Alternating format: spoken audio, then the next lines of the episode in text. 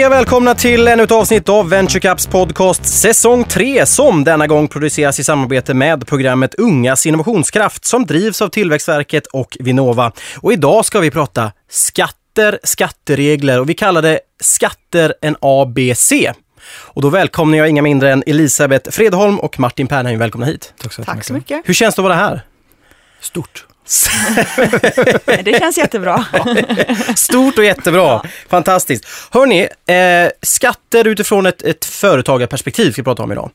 Eh, jag börjar helt enkelt med frågan, vad är det man ska tänka på från första början när jag ska starta mitt företag skattemässigt? Ja, rent skattemässigt så är det ju den preliminära skatten som många gör fel på och inte förstår att man ska betala.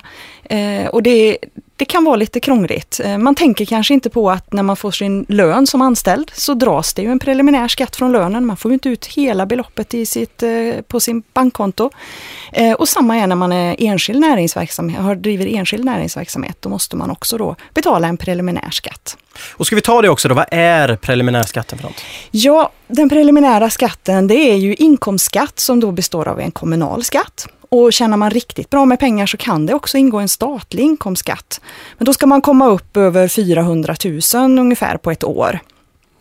Och sen så, så ingår det de sociala avgifterna då i form av egenavgifter. Så det är de två skatterna och avgifterna som ingår i preliminärskatten. Och detta ska man räkna ut innan man börjar tjäna pengar. Precis. Innan så måste man ju ha gjort sin läxa och gjort en budget då vad man tror att man kommer att få för vinst i sitt företag. Och utifrån den vinsten så beräknar vi på Skatteverket fram då en, en preliminär skatt. När man är nystartad så har man ju faktiskt förmånen att få vänta i tre månader med att börja och betala den här preliminära skatten. Och det är just för att man ska få komma igång med sitt företag, skicka sin första faktura och kanske till och med hinna få betalt för den första fakturan också då. Ska vi, ska vi dela in det här programmet lite grann i fyra delar tror jag. Eh, vi har bokföring, vi har moms, arbetsgivare, och avdrag har jag tagit mig friheten att dela in detta, eh, detta program i. Ska vi börja med, eh, vi kommer komma in på preliminär, pre, pre, preliminärskatten igen tror jag, men ska vi börja med bokföringen? Varför måste man bokföra? Martin? Ja, varför? Vilken fråga. Man kan säga så här, eh, ett väldigt enkelt svar det är ju att det står i lagen. Men om vi ska vara riktigt ärliga kan man säga så här, det är ju för din egen skull. Går det bra för ditt företag eller går det mindre bra? Det är därför man måste ha bokföring. Man måste ha koll på siffrorna. Hur mycket pengar kommer in i företaget? Hur mycket pengar går ut ur företaget? Vad blir resultatet? För att oftast är det viktigt att veta, eh, är det lönsamt att göra det jag gör eller inte? Så det är därför säger jag, därför ska du ha bokföring, för din egen skull. Och vad är det man måste bokföra då? Man kan säga så att allting som påverkar ekonomin ska bokföras. Köper du in någonting i företaget så är det ju pengar ut. Då ska du bokföra det. Och eh, säljer du någonting så får du in pengar i företaget. Då ska du bokföra det och så blir det ett resultat.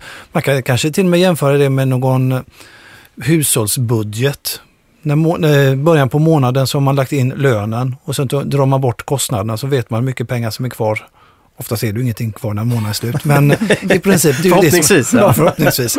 Så jag, jag säger egentligen för din egen skull, så att du vet vad tjänar du pengar på och vad förlorar du pengar på. Och det kan man också tänka sig att om jag nu skulle vara bagare, vad ska jag sätta för pris på wienerbröden och lussekatten och allt möjligt. Och då är det, dels har man ju kostnader för vad det kostar att tillverka.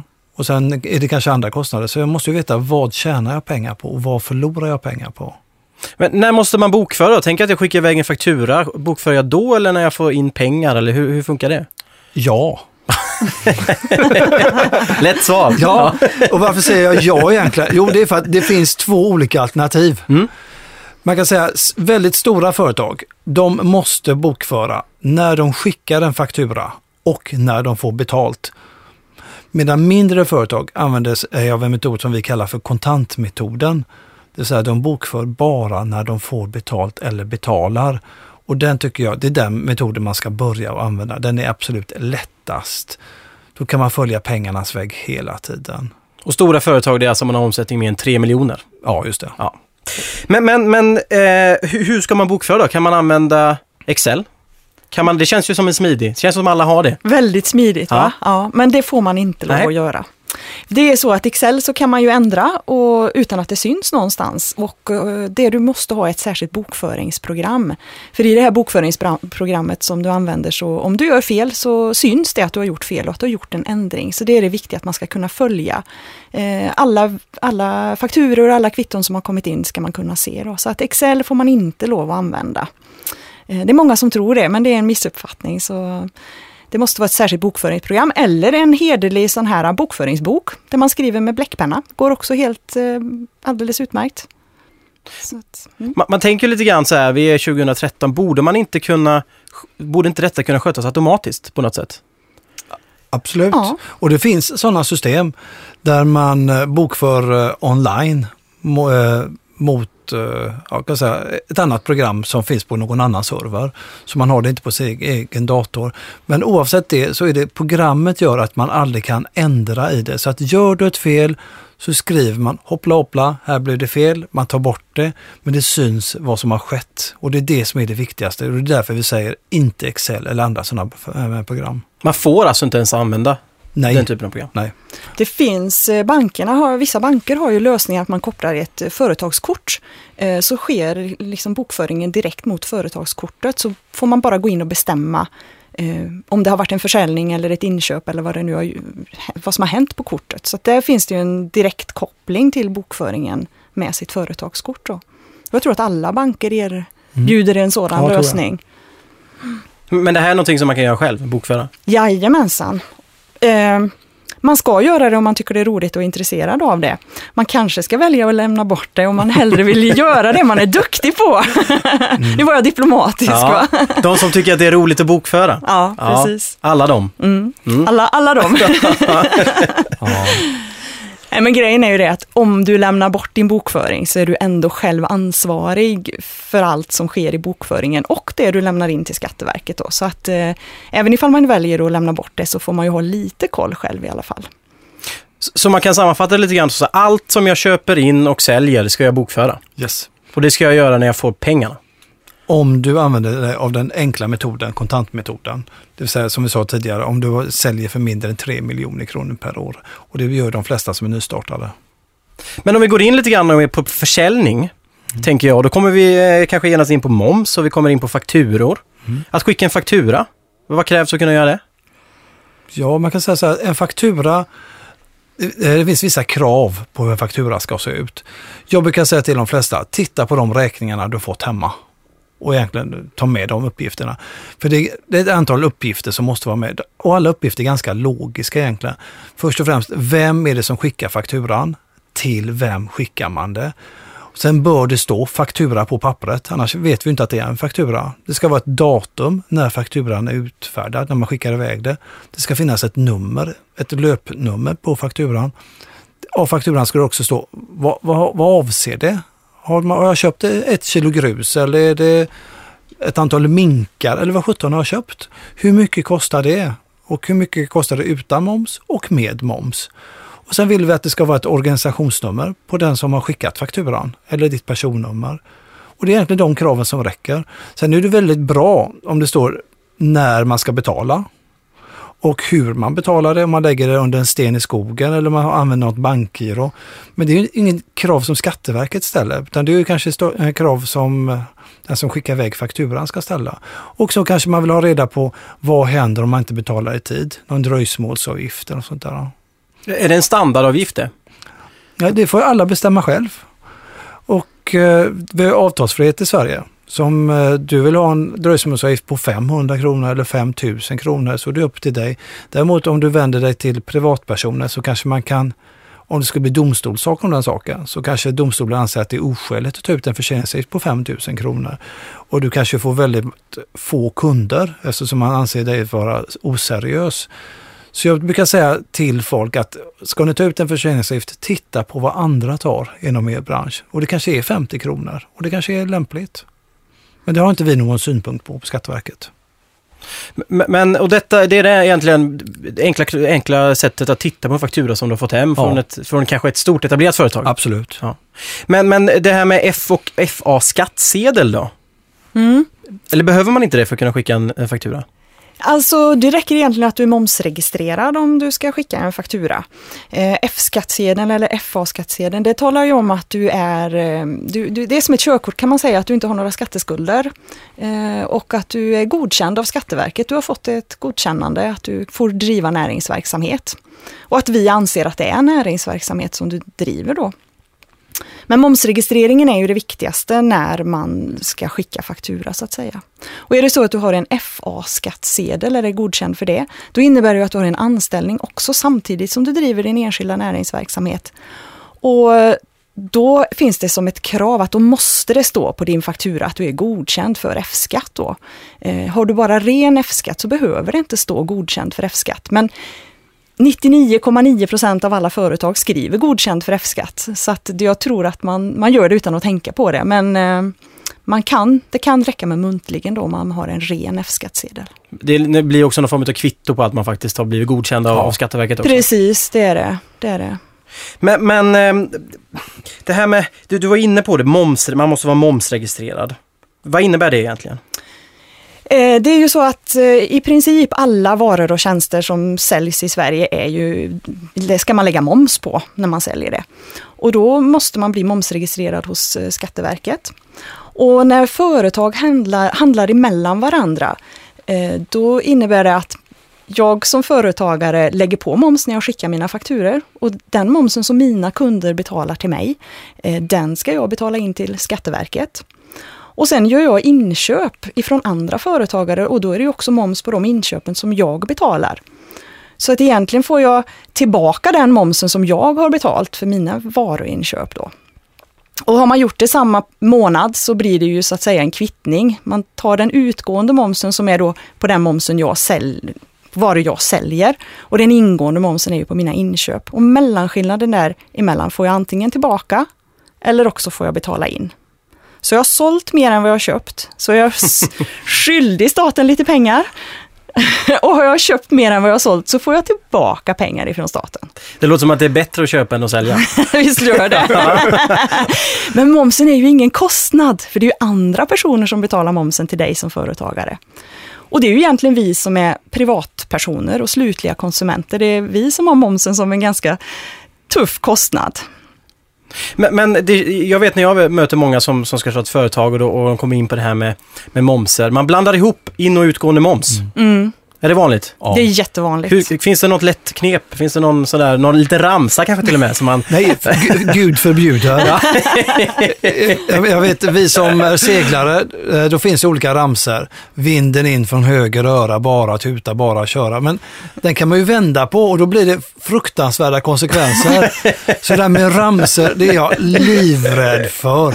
Men jag brukar säga så här istället, att den ingående momsen det är momsen på allting du köper in till företaget. Och då är det moms som du har rätt att få tillbaka från staten. Och utgående moms, det är all moms på allting som går ut ur företaget. Och den momsen ska du betala till staten. Men vill vi säga att det är en ramsa, så okej, okay, då har vi fixat en ramsa. Men jag vågar inte ha sådana här... Nej, man behöver inte ha några ramsor. Men det var en ganska lätt eh, ändå, eh, lätt att, sära på dem. Ja. Men, men, men du sa, jag la märke till att du sa, det är moms på i princip alla varor. Ja. Och tjänster. vad va, va är det som inte man, vad är det man slipper betala moms för? När du går till tandläkaren till exempel. När du går till eh, läkare betalar du inte någon moms. När du hyr din lägenhet så är det ingen moms på det.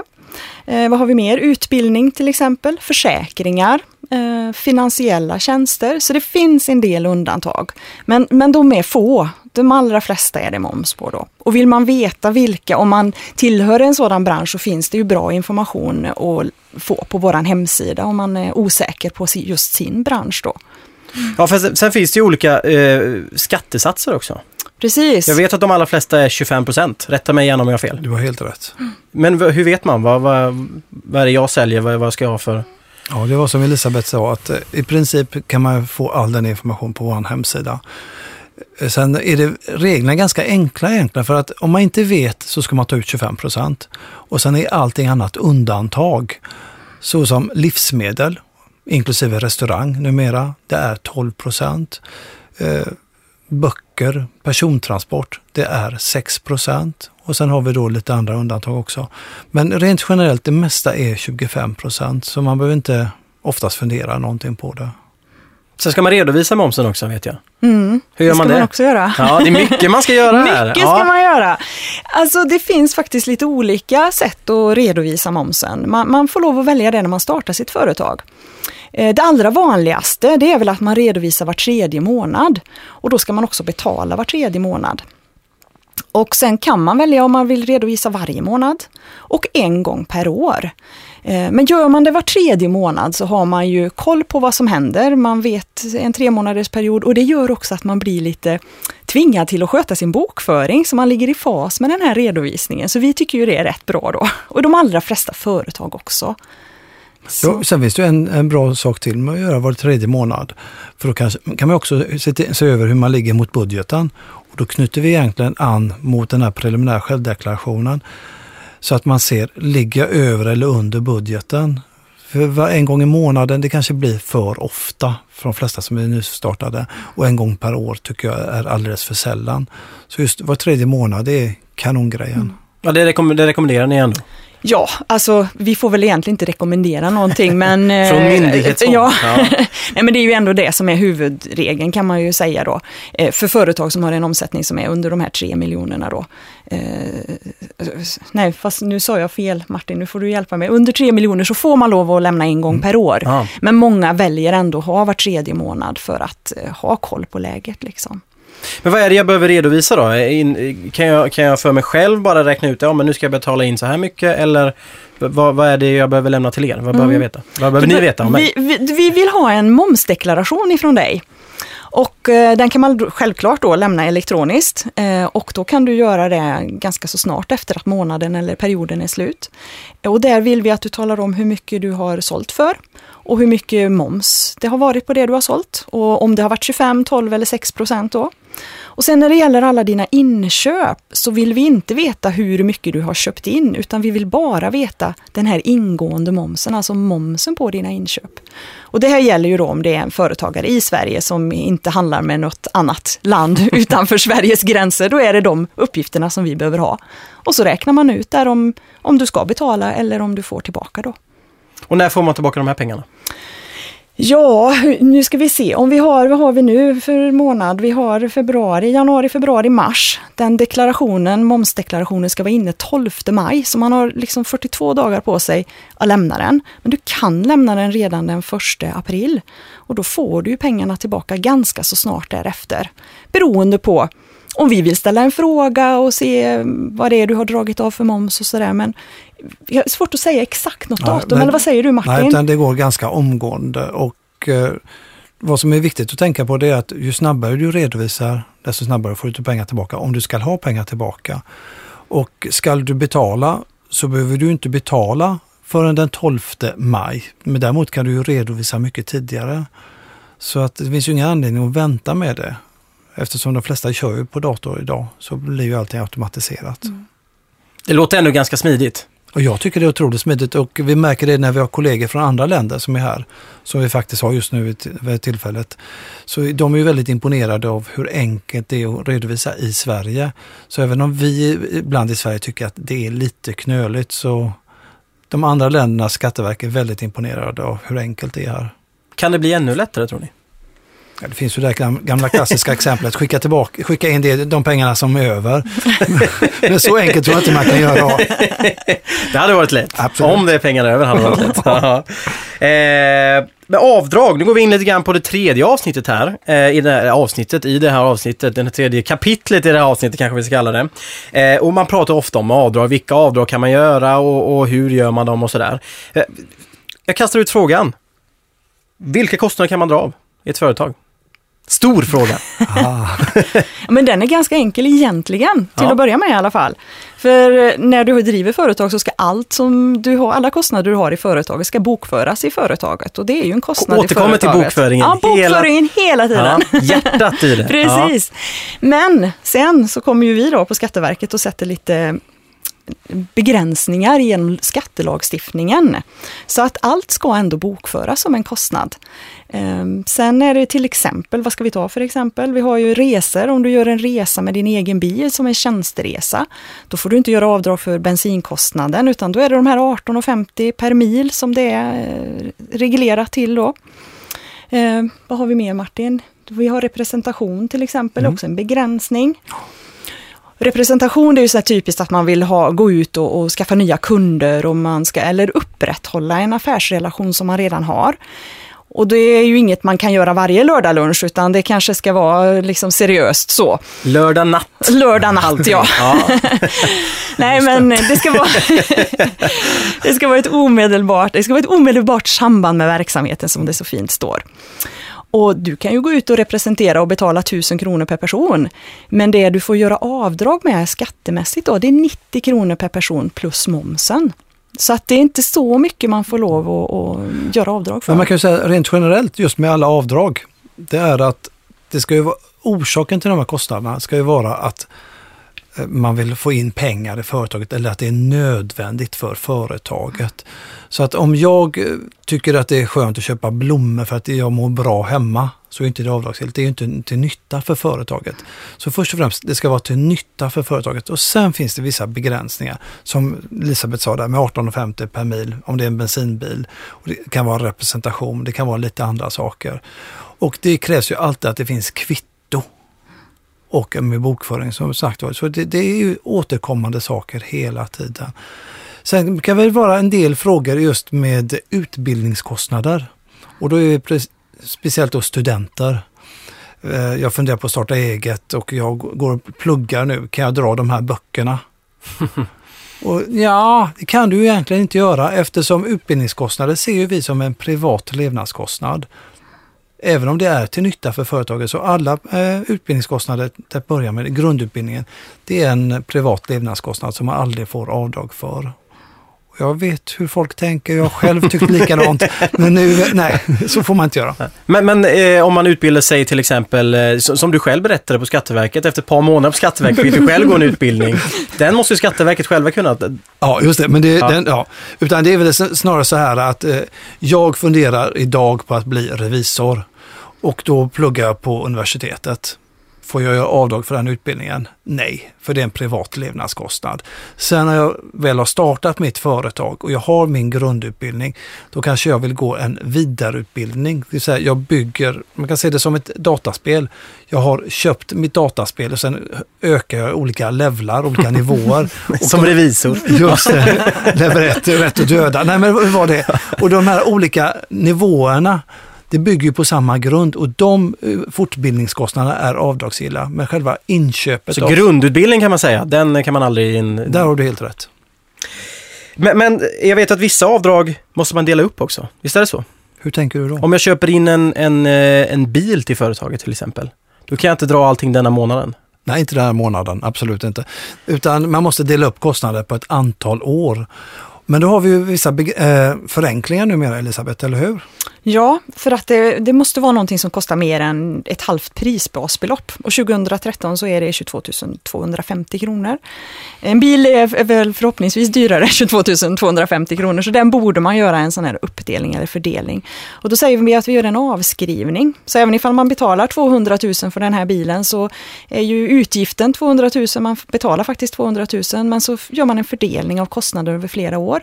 Och då finns det två regler. Antingen så väljer man att ta 30% per år som en kostnad.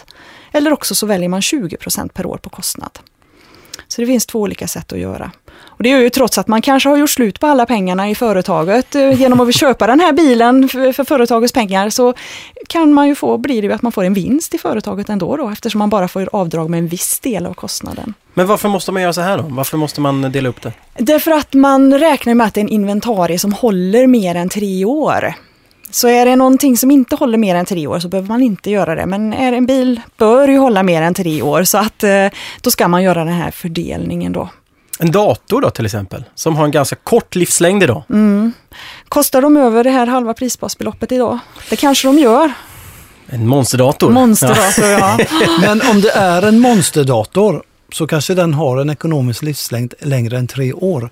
Det är där det kommer in. Det finns ju många som säger att en dator håller inte mer än tre år och jag brukar säga att det är skitsnack, för en dator håller hur länge som helst. Utan man får se, vad gör jag med datorn sen? Om jag nu köper en monsterdator eh, för, eh, säg 50 000 kronor och sen efter tre år så kanske jag inte använder den längre, men gör den som en backup-dator då använder jag det fortfarande i företaget. Är det däremot så att du kanske sysslar med någon webbproduktion och efter två år så säljer du av den datorn för att den är inte användbar längre. Ja, då stämmer det. Så man får se lite vilken verksamhet du har. Så det är inte svart och vitt där? Utan nej, det, det, nej. Men där har det blivit mycket lättare för oss nu eftersom vi säger de här 22 250 mm. kronorna. För de flesta datorerna, bärbara datorer, kostar ju faktiskt mindre. Så då slipper vi den diskussionen. Det, det, känns ju som att den här avdragsdiskussionen kan man, kan man eh, sväva ut ordentligt i och det känns också som det kommer in en hel del fantasifulla förslag till Skatteverket med vad man kan dra av och inte dra av varje år. Absolut, och liksom den här eh, frågan där med kläder. Att eh, inom min bransch så behöver man då kavaj och slips. Får man göra avdrag för det och det får man inte för det är en eh, personlig levnadskostnad. Men arbetskläder får man göra om man jobbar till exempel på en, en bil, om man har en bilmack. Ja, just det. Men då, är, men då är det kläder som är anpassade för just detta jobbet och det ska vara ett tryck exempelvis med Bosses bilverkstad. För den kanske du inte har när du går bort på 50-årskalas. Förhoppningsvis inte. Nej, eller så har du det, jag vet inte. jag förstår. Men hur är det då om man, vi tänker att jag, vi, vi ponerar att jag ska starta ett företag. En enskild firma till exempel. Eh, jag drar igång den från och med första april. Men så har jag köpt min dator redan i februari. Den är lurig. Hur gör jag med det? Eh, kan jag dra den i, kan jag räkna den till företaget? Februari till april, alltså det är lite gräns, gränsfall där. Eh, för att om vi säger så här att du hade haft datorn, köpte datorn i april förra året. Eh, då hade du i april i år när du startade fått eh, göra någon slags värdering på vad är den värd idag? För då har du använt den som privatperson under ett helt år. Eh, när det gäller så nära i anslutning så har du väl inte hunnit slita på den så mycket. Så att februari till april, vad säger du Martin? Det är så nära från fall till fall. ja, jag hade sagt, jag är snäll där. Ja, du är snäll. Jag är alltid snäll. vad bra. Absolut, utan självklart dra datorn. Men just som Elisabeth säger att ju äldre en dator är, eller det, det som du har köpt in, även om du inte använt det privat utan du bara köpt den. Så någonstans ska du eh, sälja in det till företaget för marknadsvärdet. Och köper du en väldigt nära anslutning så tror jag inte datorn har hunnit sjunka i pris. Men låt oss anta att du köpte den för ett år sedan och du inte har använt den privat utan den har legat outbackad. Vad är en ett år gammal dator värd? Troligtvis inte samma som du gav för den. Utan då kanske det ska vara marknadsvärdet istället. Så det bästa är alltid att man väntar så mycket som möjligt med att köpa sina saker till sitt företag innan man har startat företaget. Jag förstår. Eh, men det är inte samma regler om man ska starta ett aktiebolag? Precis. Jag har jag förstått det rätt då? Mm, helt mm. riktigt. Ja. Varför inte då? Därför att det är ju aktiebolaget som är den juridiska personen, alltså den som gör alla affärer i företaget. Så att då måste aktiebolaget vara bildat med ett organisationsnummer innan du kan faktiskt gå och köpa den här datorn. Så har du köpt den innan så får du liksom eh, betala den själv med egna pengar så att säga. Och inte göra det som avdrag på företaget då. När det gäller både aktiebolag och handelsbolag. Men just med det här med marknadsvärdet som vi var inne på. Vi, jag vet ju, det finns ju att man köper en bil till exempel och man sätter i nycklarna och den minskade värde direkt med 30 000 till Absolut, exempel. Ja. Eh, hur, hur, stort, hur stort ansvar har man själv att ta reda på marknadsvärdet? Man kan säga så här att eh, om det blir en konflikt mellan dig och mig på Skatteverket så är det så att om jag säger att du har tjänat 100 000 kronor, du har sålt för 100 000 kronor, så är det jag som har en skyldighet att visa hur jag har kommit fram till det. Om du säger att du har avdrag eller att du har köpt in någonting för x antal kronor så är det du som har en skyldighet att visa vad du har gjort. Så att, och eh, säljer du då in någonting, en dator som du hävdar är värd 50 000 kronor, då är det du som på något sätt ska kunna visa eller göra sannolikt att det är värt 50 000 kronor. Så att det är du som har den eh, skyldigheten att visa på något sätt. För det är ju jättesvårt att visa vad en begagnad eh, grej är värd, men på något lämpligt sätt. Men, men så man kan säga att eh, man man är fri tills någon annan bevisar motsatsen? Så kan man säga. Som med, allt, som alla. Absolut. Ja. Men, men eh, vi var lite grann inne, vi nämnde enskild firma eller enskild näring som man blir enskild näringsidkare och man vi ägde, akt, äm, nämnde aktiebolag. Bolagsformer. Jag vet att detta också kommer vi nämna i ett annat program men, men vad, vad, vad, vad rekommenderar ni? Vad ska man välja? Ja. Finns, det något, finns det någon tumregel? Ja, det finns det. det finns ju alltid. Man kan säga så här, först och främst ska man fråga sig hur många är som driver företaget? Är jag ensam så finns det egentligen bara enskild firma eller aktiebolag. Det finns ingenting annat. Det förekommer att eh, en person som ska driva företaget ensamt starta ett handelsbolag. Ett handelsbolag ska vara minst två personer. Och sen tar man med, med en sleeping partner, någon som inte är verksam. Sin mamma, sin, eh, sin partner eller vad det är. Till ingen nytta. Så jag tycker först och främst ska man fundera på hur många är vi? Är vi en, ja då är det enskild firma eller aktiebolag. Är vi två, ja då kanske det är enskild, eller eh, då kanske det är aktiebolag eller handelsbolag. Men man ska ju sätta sig in i vad det innebär de, de olika bolagsformerna. Vi brukar väl inte rekommendera någonting direkt, men vi kanske säger att enskild firma är väldigt enkelt och smidigt att börja med. Så det, Precis. Och sen så aktiebolag krävs ju ändå att man har 50 000 i aktiekapital, pengar eller inventarier då. Så att det är ju också en sak och det kanske man inte har. Eh, utan då är ju enskild eh, firma det enklaste att börja med. Och, och sen kan man ju bygga upp sin verksamhet i den enskilda firman för att sen ombilda det till ett aktiebolag när det börjar rulla på och man får riktigt stora vinster och man kan ta ut både hög lön och kanske till och med utdelning. Eh, För det finns ju en hel del, det finns ju lite andra möjligheter i ett aktiebolag när företaget växer då. Men som enskild näringsverksamhet eller enskild firma, det är en bra start egentligen. sen ekonomisk förening, Absolut. det får jag inte glömma Det får vi heller. inte glömma, nej. För det är ju någonting som ökar mer och mer. Och det är liksom den kooperativa tanken. Men då måste man vara minst tre personer. Vad är fördelen med det då? Ja, man brukar säga fördelen med ekonomisk förening det är ju att man gör ju allting gemensamt. Man gör det kollektivt. En person har en röst. Till skillnad från om du och jag startar ett aktiebolag så har vi olika antal röster beroende på hur många aktier vi äger. Så därför säger man att eh, en ekonomisk förening är väldigt bra. Det kan ju finnas en annan fördel, det är ju att man utåt sett också marknadsför sig- för sig med ett namn. Och man har inte samma ansvar som man har i ett handelsbolag, utan eh, man, man är ansvarig för, eh, ja, på ett annat sätt helt enkelt. Så det, jag tycker det kan finnas fördelar av en ekonomisk förening också. Men vi, vi, vi, vi, vi ponerar återigen till mitt företag här jag ska starta och jag, jag tänker att jag ska driva det själv. Men så, så får jag in en jätteorder. Jag måste anställa någon. Hur Vad gör man då? spännande. Ja, det är ly, lyxproblem Ja, kan man tänka, precis. men hur gör man? Ja, alltså nu pratar vi ju ur ett skatterättsligt perspektiv då, så det finns ju mycket att tänka på när man ska anställa en person. Men just vad du behöver göra mot Skatteverket så är det ju att först och främst så måste du registrera dig och tala om att du ska bli arbetsgivare och betala ut en lön.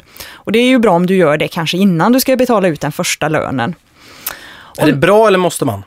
Eh, mm, egentligen måste man, men vi löser det om man har missat det också. Men, men man måste egentligen, men det går att fixa till. nu, kan- nu fick jag vara lite snäll då. Ja. Du hade sagt blankt nej på det. Nej, absolut inte. Jag- är Mr Nice Guy ibland. Ja, precis. Ha, vad händer sen då? Ja, du betalar ut lön kanske den 25, det är väl det normala 25 eller 27. Och sen månaden efter den 12, det, ni hör 12 igen här, då ska du lämna en arbetsgivardeklaration. Som är egentligen motsvarande momsdeklarationen fast det gäller arbetsgivardelen då. Och där ska du tala om till Skatteverket hur mycket lön du har betalat ut och hur mycket skatt du betalar in för de du har betalat ut lön för och hur mycket arbetsgivaravgifter som du betalar också.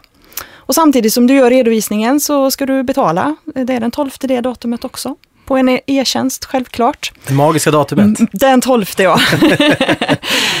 Och det är det du gör löpande under året, varje månad du betalar ut lön. Och skulle det vara så att eh, du till exempel en månad inte betalar ut någon lön eller någonting så måste den här redovisningen komma in i alla fall då. För annars så får man såna här tråkiga förseningsavgifter. Och det vill vi ju undvika, de pengarna kan man ha till annat.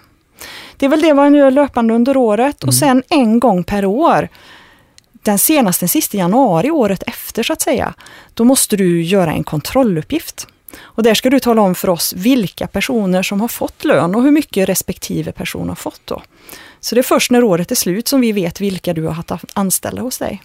Men, men, men, om jag bara har mig själv då som anställd, som jag ger mig själv lön, behöver jag registrera mig som arbetsgivare då? Nu pratar du aktiebolag hoppas jag.